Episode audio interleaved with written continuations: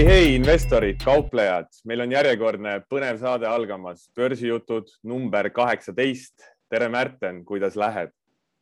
tervist, tervist, hästi läheb. maru pikalt on siin aega vahepeal mööda läinud, et, et siit kohe kõigile vihje, kes on puudust tundnud saatest, siis pange subscribe ja, ja notification ka, et siis saate teada, millal me jälle oleme arvutite taha tulnud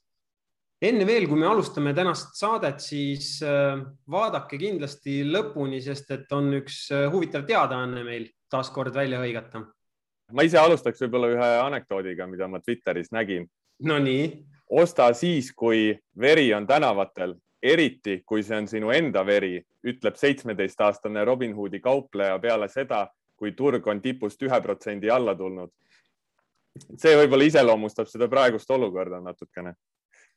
no eks, eks ju sõltub, vaata, mis tal seal nagu portfellis on, meie võib-olla mõõdame turuindeksi alusel, aga kui tal on seal mingid äh, elektrisõidukid või, või viimasel ajal Hiina aktsiad, oled sa näinud, mis seal toimunud on, no siis seal tõesti võib väga valus olla.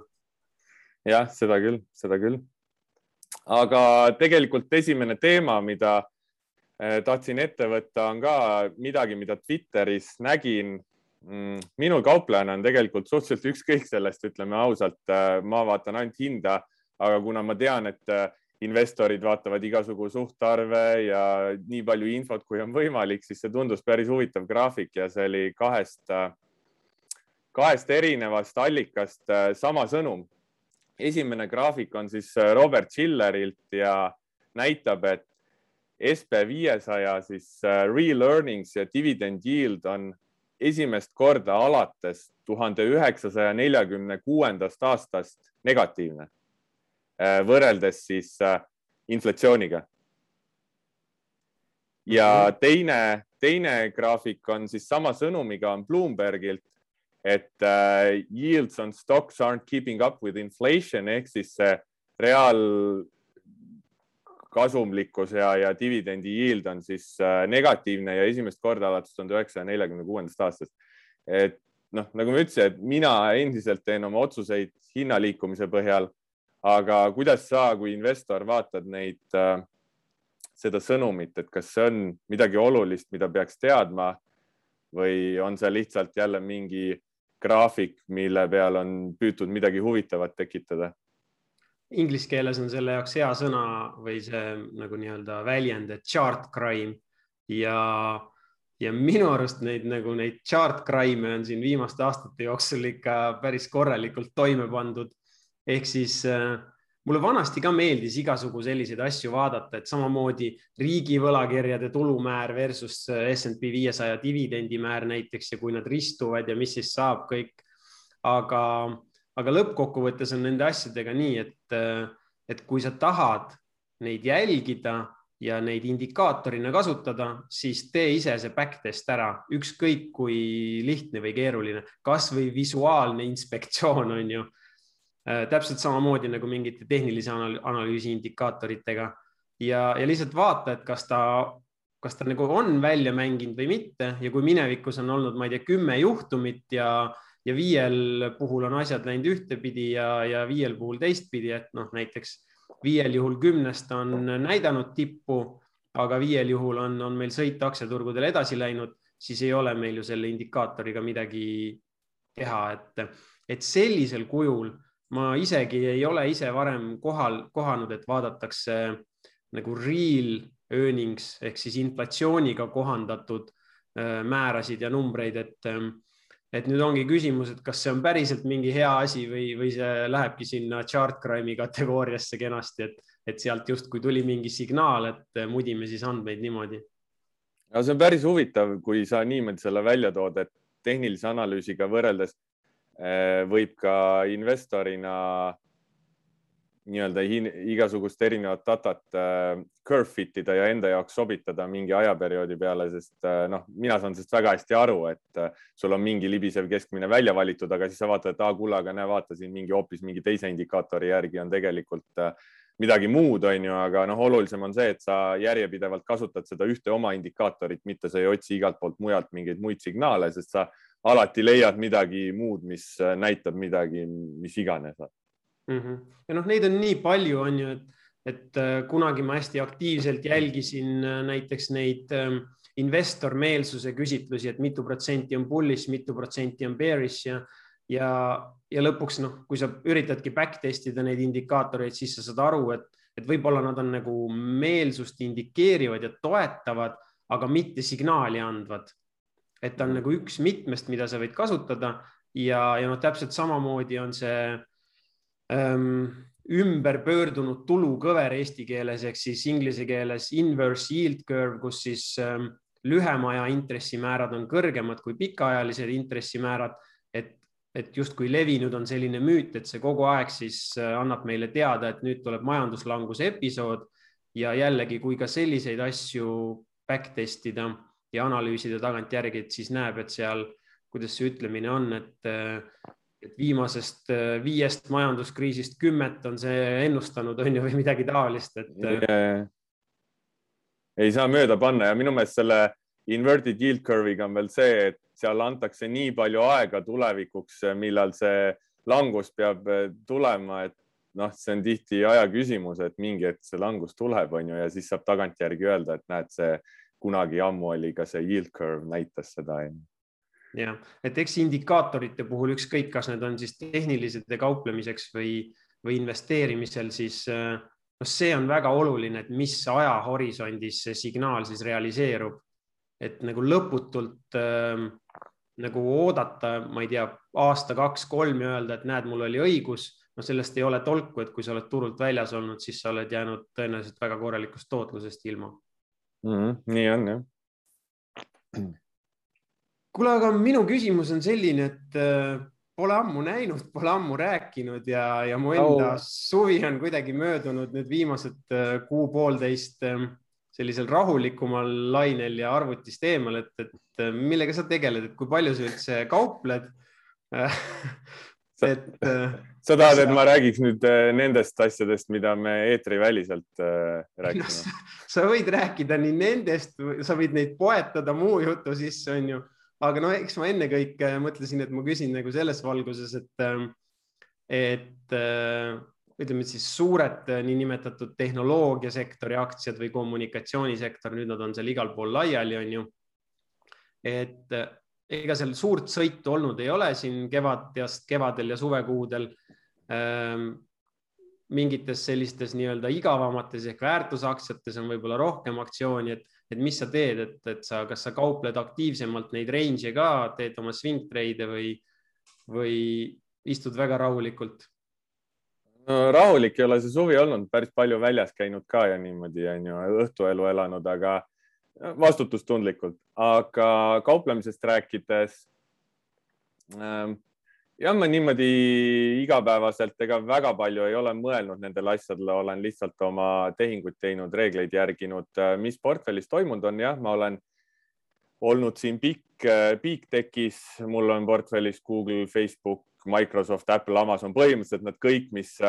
mõned on siin sõitnud üles nagu Google ja Facebook, Microsoft ka natuke Amazon, Apple on külgsuunas sõitnud, aga samas ongi seal see, et ma ei tea, milline neist nüüd lendab. ma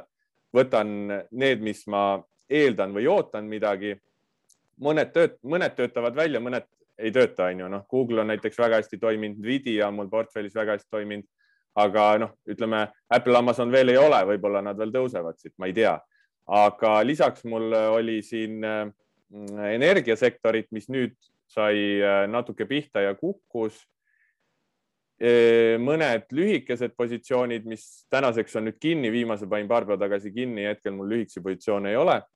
aga kokkuvõtvalt, noh, mul on year to date, ma vaatasin just on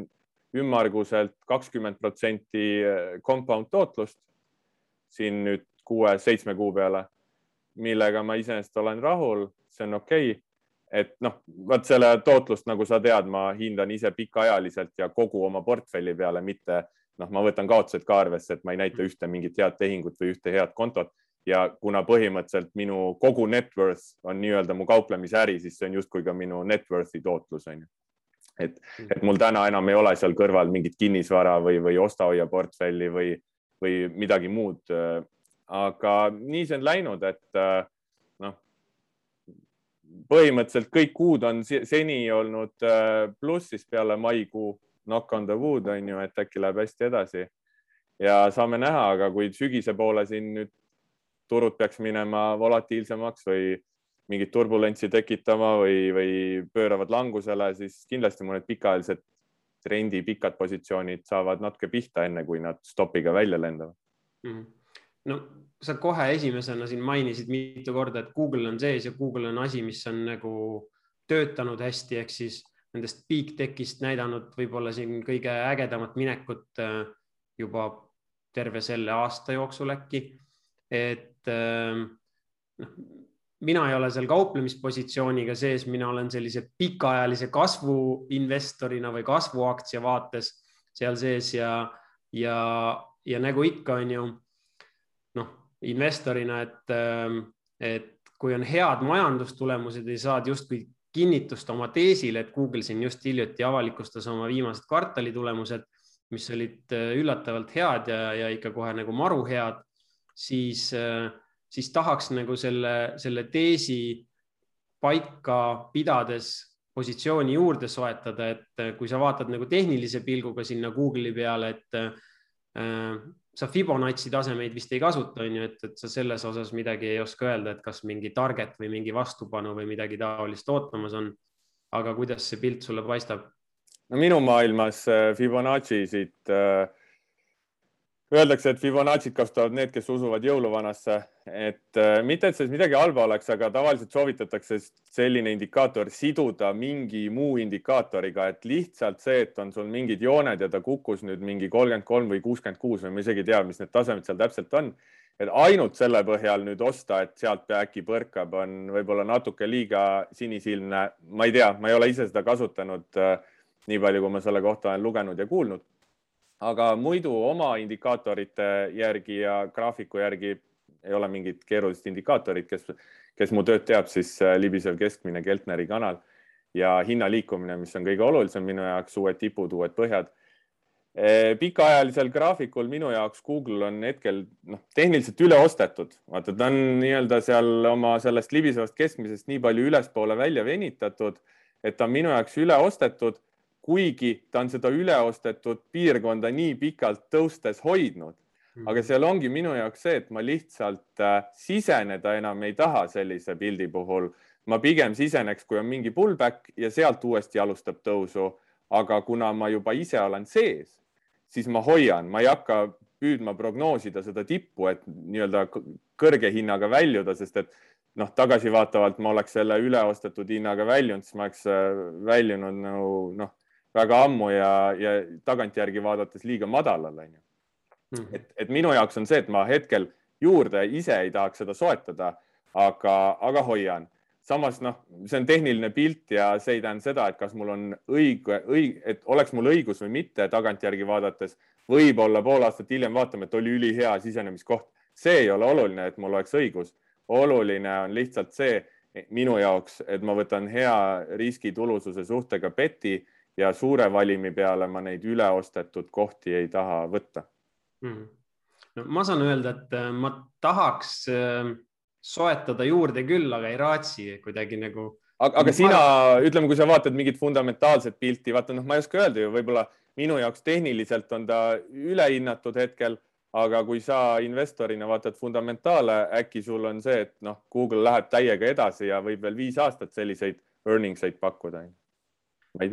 mõnes mõttes nagu nii ongi, on ju, et aga mis teeb täna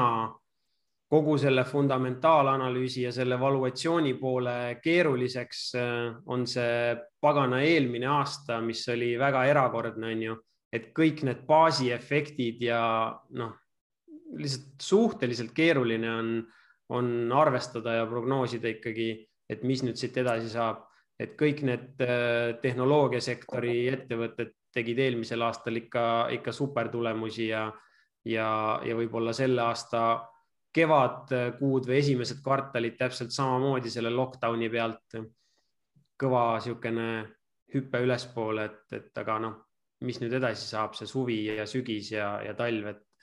et jah, vaata hinda, ei ole keeruline, kui sa ainult hinda vaatad, et kui sa püüad mingit makrot ja fundamentaale ennustada, siis on jube keeruline, aga vaatad ainult hinna liikumist, et uh, buy the breakout ja stopp järgi ja rohkem ei peagi vaatama, et võib õue mängima minna.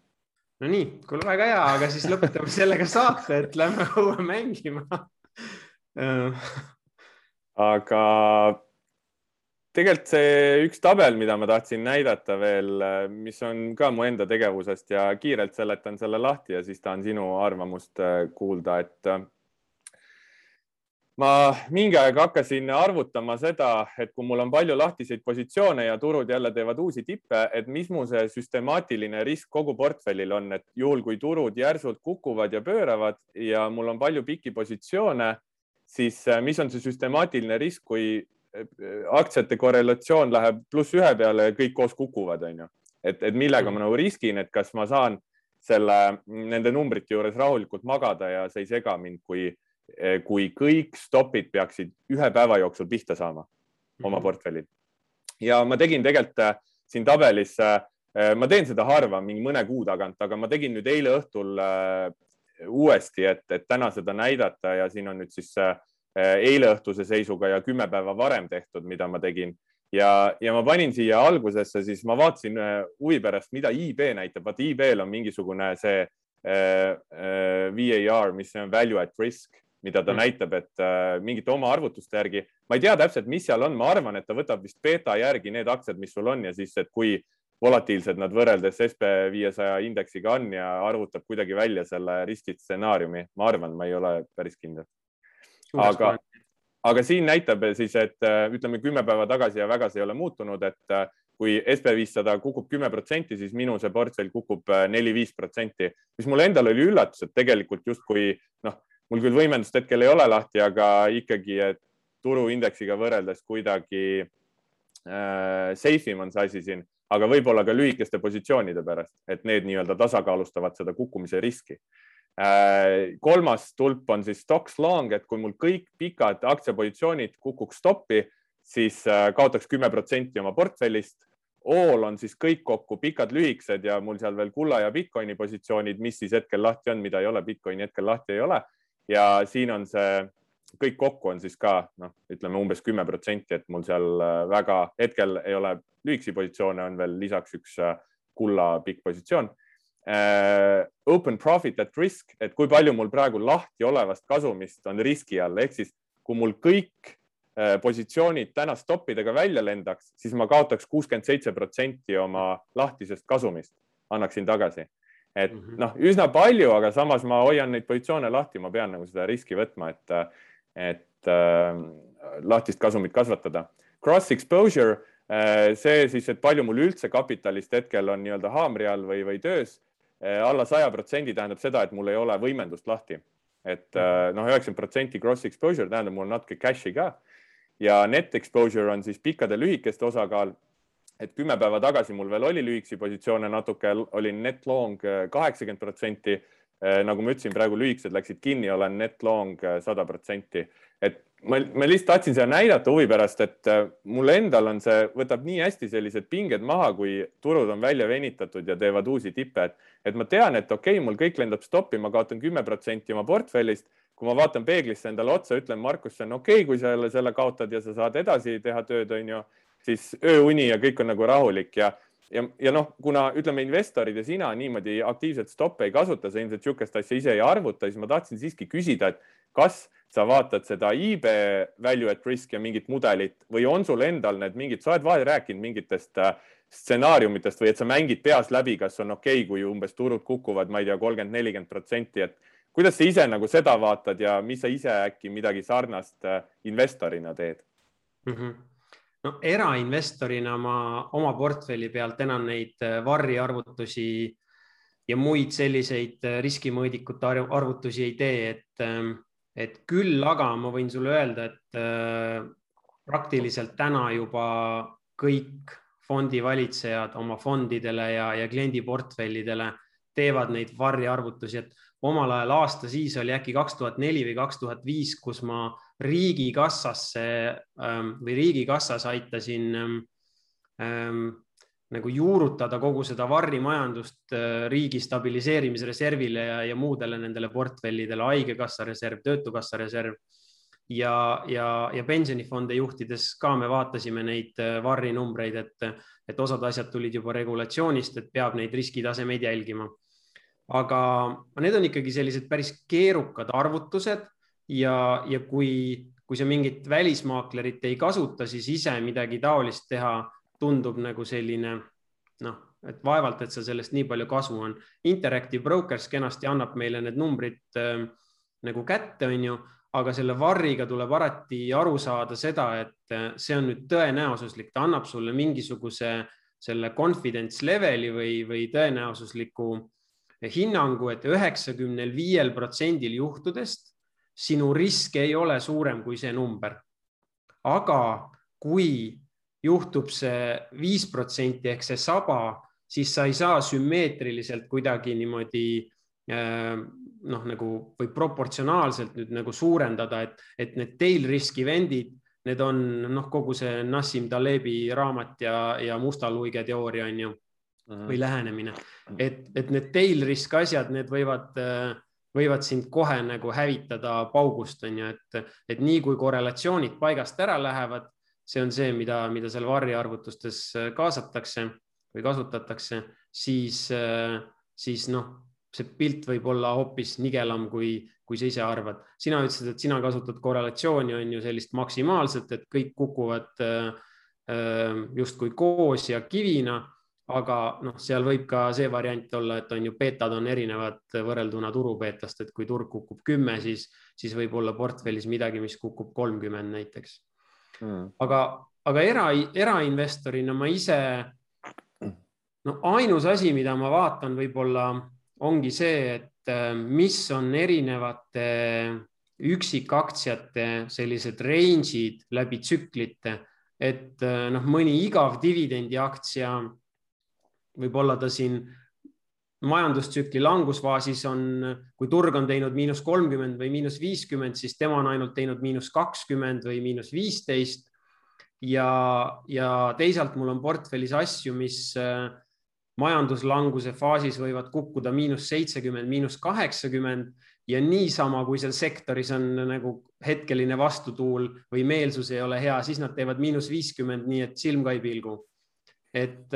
et ma kuidagi vaatan neid positsioone eraldi ja, ja väga portfelli kui terviku tasandil nagu ei muretse selle pärast, et, et kogu see riskihaldus minu jaoks tulebki läbi selle, et mul tiksub seda dividendivoogu ja ma tean, et ma ei pea müüma. et, et ma arvan, et see on nagu pikaajalise investori jaoks see, see kõige olulisem riskihalduse komponent, et sul on olemas mingisugune rahavaru või see meelerahufond pluss siis näiteks kui investeeringud teenivad rahavoogu, on ju, et siis see hind on ebaolulisem. ma tean jah, seda investorite riski, ma olen kuulnud sellest investorite riskihalduse eh, süsteemist, et kui turud viis protsenti kukuvad, siis Robinhoodi kauplejatest saavad ka investorid. siis kõik hoiavad edasi mm aga mis ma veel tahtsin võib-olla lisada, ahaa, stsenaariumite kohta küsisid ka, et, et nende puhul, need tavaliselt tulevad ähm, minu jaoks mängu siis, kui kas on juba mingi korrektsioon käimas või on juba päris nii-öelda see karuturg ehk turuindeksid on langenud kakskümmend protsenti või rohkem või siis äh, ajaliselt on see korrektsioon veninud pikaks, ükskõik kas külgsuunaline liikumine või niisugune mingi kerge langus, mis on kestnud ma ei tea, kuus kuud või üheksa kuud või midagi taolist. et siis ma hakkan neid stsenaariume läbi arvutama ja, ja hakkangi nagu hästi selliselt üldiselt kogu portfelli või, või siis turuindeksi tasandil äh, ja vahest ka siis mõningate üksikute ettevõtete tasandil, mida ma siis näiteks portfelli juurde tahan lisada okay.. aga, aga need, need stsenaariumid on selles suhtes päris, päris lihtsad, et, et ähm,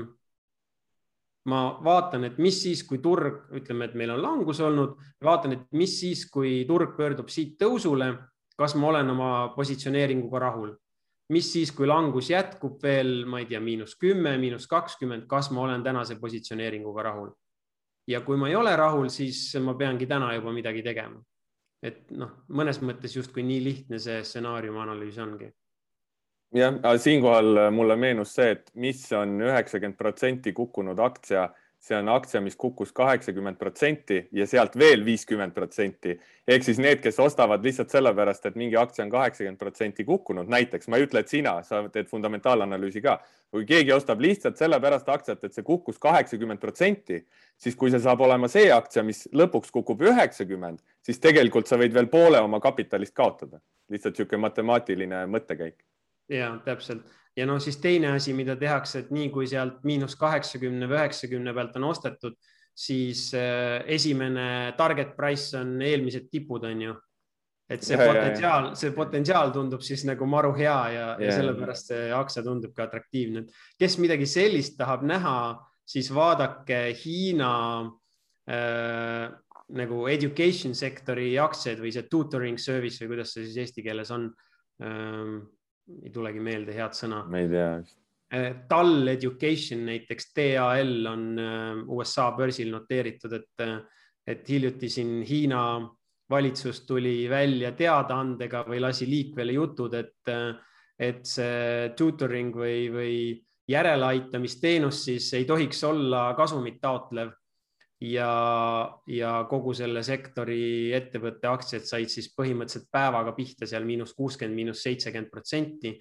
ja sihuke huvitav statistikanumber, et kes veel ei teadnud, siis see äri on Hiinas nagu meeletult suur, et ligikaudu kakskümmend, kakskümmend viis protsenti pere eelarvest läheb nendele järeleaitamistundide ostmisele ja igasugused need õppelahendused ja paketid ja asjad, et, et väga suur äri seal ma korra vaatasin ise ka üks tikker, mis ma vaatasin, Edu, EDU, mis kaupleb äh, New York Stock Exchange'il on ka mingi Hiina education äh, company,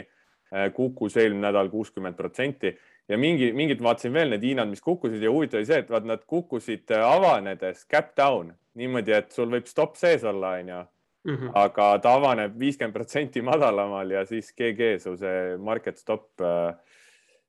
võib ikkagi nii-öelda tekitada hävingu sulle selle positsiooni jaoks ja noh, ütleme see, see, sellepärast tuleb ka mõelda selle position sizing'u peale, mitte ainult stopi peale, et stopp ei pruugi alati päästa nii, nagu sa ise sooviksid. ja täpselt. aga võib-olla hea jätk sellele jutule, mis me siin rääkisime, ongi, ongi Merilini küsimus meie eelmise episoodi video alla kes ütles, et äh, väga põnev osa oli, eriti see pool siis, kus me rääkisime oma portfellist äraelamis, äraelamisest. aga ta küsib, et, äh, et mis me arvame meelerahufondist, selle suurusest, et üldjuhul räägitakse meelerahufondi suurust kuus kuni kaksteist kuupalka ja ta arvab, et kohati tundub sellist summat hoida arvelduskontol või ka tähtajalises hoiuses suhteliselt äh, mõttetu et, ähm, et mis sinu vaatenurk on, kui palju sa üldse mingit rahavaru hoiad äh, oma igakuiste kulude suhtes siis oma tavalisel arvelduskontol ja kui palju sa oled siis IB-sse sinna kauplemiskontole mm, pannud või noh, kõigile kauplemiskontodele? no mul hetkel on elamiseks mingi kolm tuhat eurot kontol, muu on kõik kauplemiskontodel. sellega ma vast venitan septembrini välja, kui mul pensioniraha laekub, siis ma saan veel kuu aega elada mul midagi sealt tulemas väga ei ole, kui päris aus olla. ma räägin ausalt mm. -hmm. ja see, et hoida meelerahufondi minu jaoks on minu kauplemiskonto, minu kauplemisäri on minu meelerahufond. ma olen nii enesekindel oma riskihalduses, oma eh, rahavaru hoidmises portfellis. et kui mingi asi läheb väga turbulentseks, siis mul kohe portfell hakkab cash'i tõstma ja ma olen nüüd hajutanud ise mitme maakleri vahel, ma kasutan ka kodupanka investeerimiskonto alt oma kõige pikaajalisemate trendipositsioonide jaoks. ehk siis tegelikult see, et mul on investeerimiskontol cash, see on justkui sama nagu mu enda kontol oleks, sest tegelikult ju pangakontona väga vahet ei ole mm. -hmm. et see ongi minu meelerahufond ikkagi minu kauplemisäri ja, ja niimoodi niisama kontol ma hoian ainult mõni tuhat eurot elamisraha, sest äh, mul ei ole vaja, hetkel ma ei näe, et mul oleks vaja midagi hoida, aga kindlasti see on ka sellepärast, et mul ei ole pere ja ülalpeetavaid hetkel, et äh, ilmselt ma hakkan teistmoodi mõtlema, kui ma pean äh, vastutama ka oma laste ja, ja teiste inimeste eest ja et neil oleks äh, katus pea kohal ja kõht täis mm. -hmm. aga sa ise? no siin tulevadki välja, on ju need karakteri erinevused ja olukorra ja situatsiooni erinevused, et,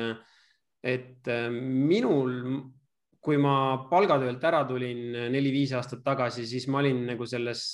ühes ääres ekstreem, ekstreemumis, et et ma hoidsin põhimõtteliselt kaheteist kuu elamiskulusid äh, tähtajalistes hoiustes. hea küll, et need intressimäärad olid siis nagu veidi kõrgemad, et mul olid siuksed mingid head pikaajalised hoiused, mida ma edasi, edasi rullisin. Aga täna ma olen liikunud võib-olla siis iseenda jaoks siia teise äärmusesse, kus mul ka pangakontol on ainult paari kuu elamiskulud, aga mulle pakub seda kindlust see, et ma maksan oma omale ise mingisugust väikest palka, on ju, et ma tean suhteliselt hästi, et kas järgmine kuu see palganumber tuleb üle või ei tule, siis ähm, mul on mingisugune dividendivoog, mis äh, katab ära näiteks, no ma ei tea, eluasemelaenu tagasimakse ja mingid kommunaalid vajadusel. ja, ja osa sellest äh, meelerahufondi rahast, mis mul äh, kunagi hoiustel oli, et, et osa eest ma ostsin äh,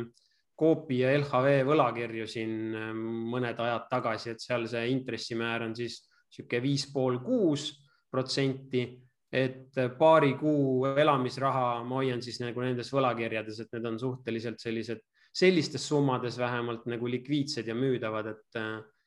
et nii olen lahendanud asja enda jaoks. okei okay., no tundub ka mõistlik, et peaasi, et söögiraha on olemas ja elu on hea ja tuju on hea, kõik on rõõmus, turud tõusevad, raha tuleb.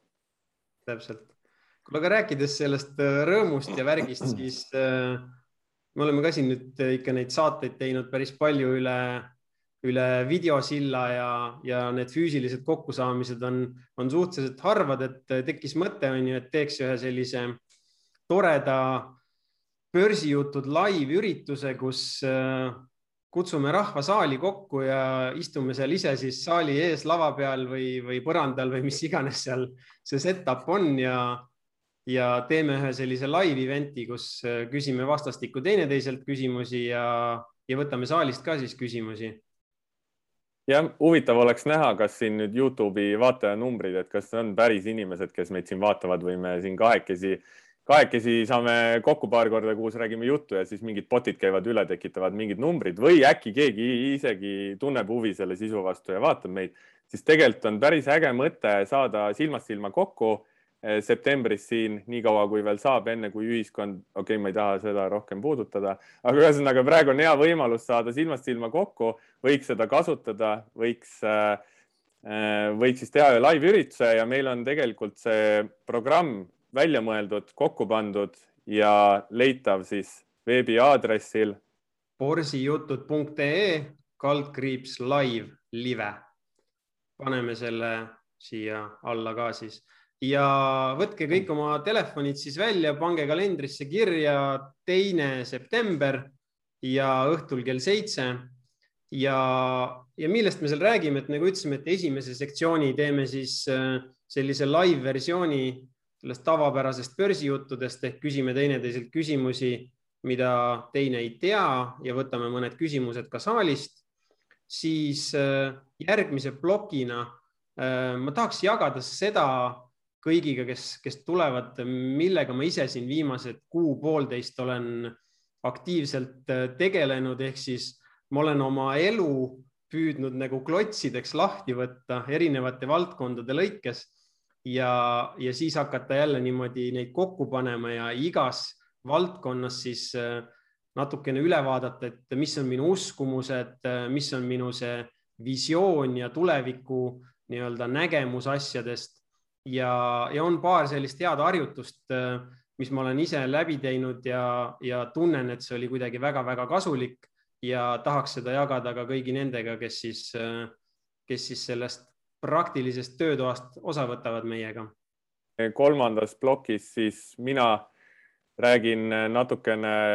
mis portfellis toimub, rohkem sellest kauplemispoolest, mis USA turu selline turu sügavusanalüüs ja tehniline analüüs, graafik, hinnaliikumine või võiks näidata või noh, ütleme tulevikku ei püüa ennustada, aga mingid ootused lähitulevikuks, et kui kaua selline pikk ja tugev tõus kesta saab, mida teha siis, kui see otsa saab, mis võiks olla need esimesed märgid, millal nii-öelda kauplemisportfelliga tegeleda, trendipositsioone hallata. et püüan siis anda oma sellist kaupleja ja trenditööd edasi mm, saalis ja investeerimise poole pealt ma siis lisan selle, et mis mul endal parasjagu radaril on, et eh, ega ma täna ei tea, on ju, et eh, selle, sinna on mingi üle kuu aja aega, et eks me näe, näeme siis, mis valdkonnad või mis riigid, regioonid või, või kas väärtusaktsiad või kasvuaktsiad või mingisugused konkreetsed dividendiaktsiad, et, eh, et jagan seda, mis parasjagu tundub, tundub selline atraktiivne. ja neljandas viimases plokis siis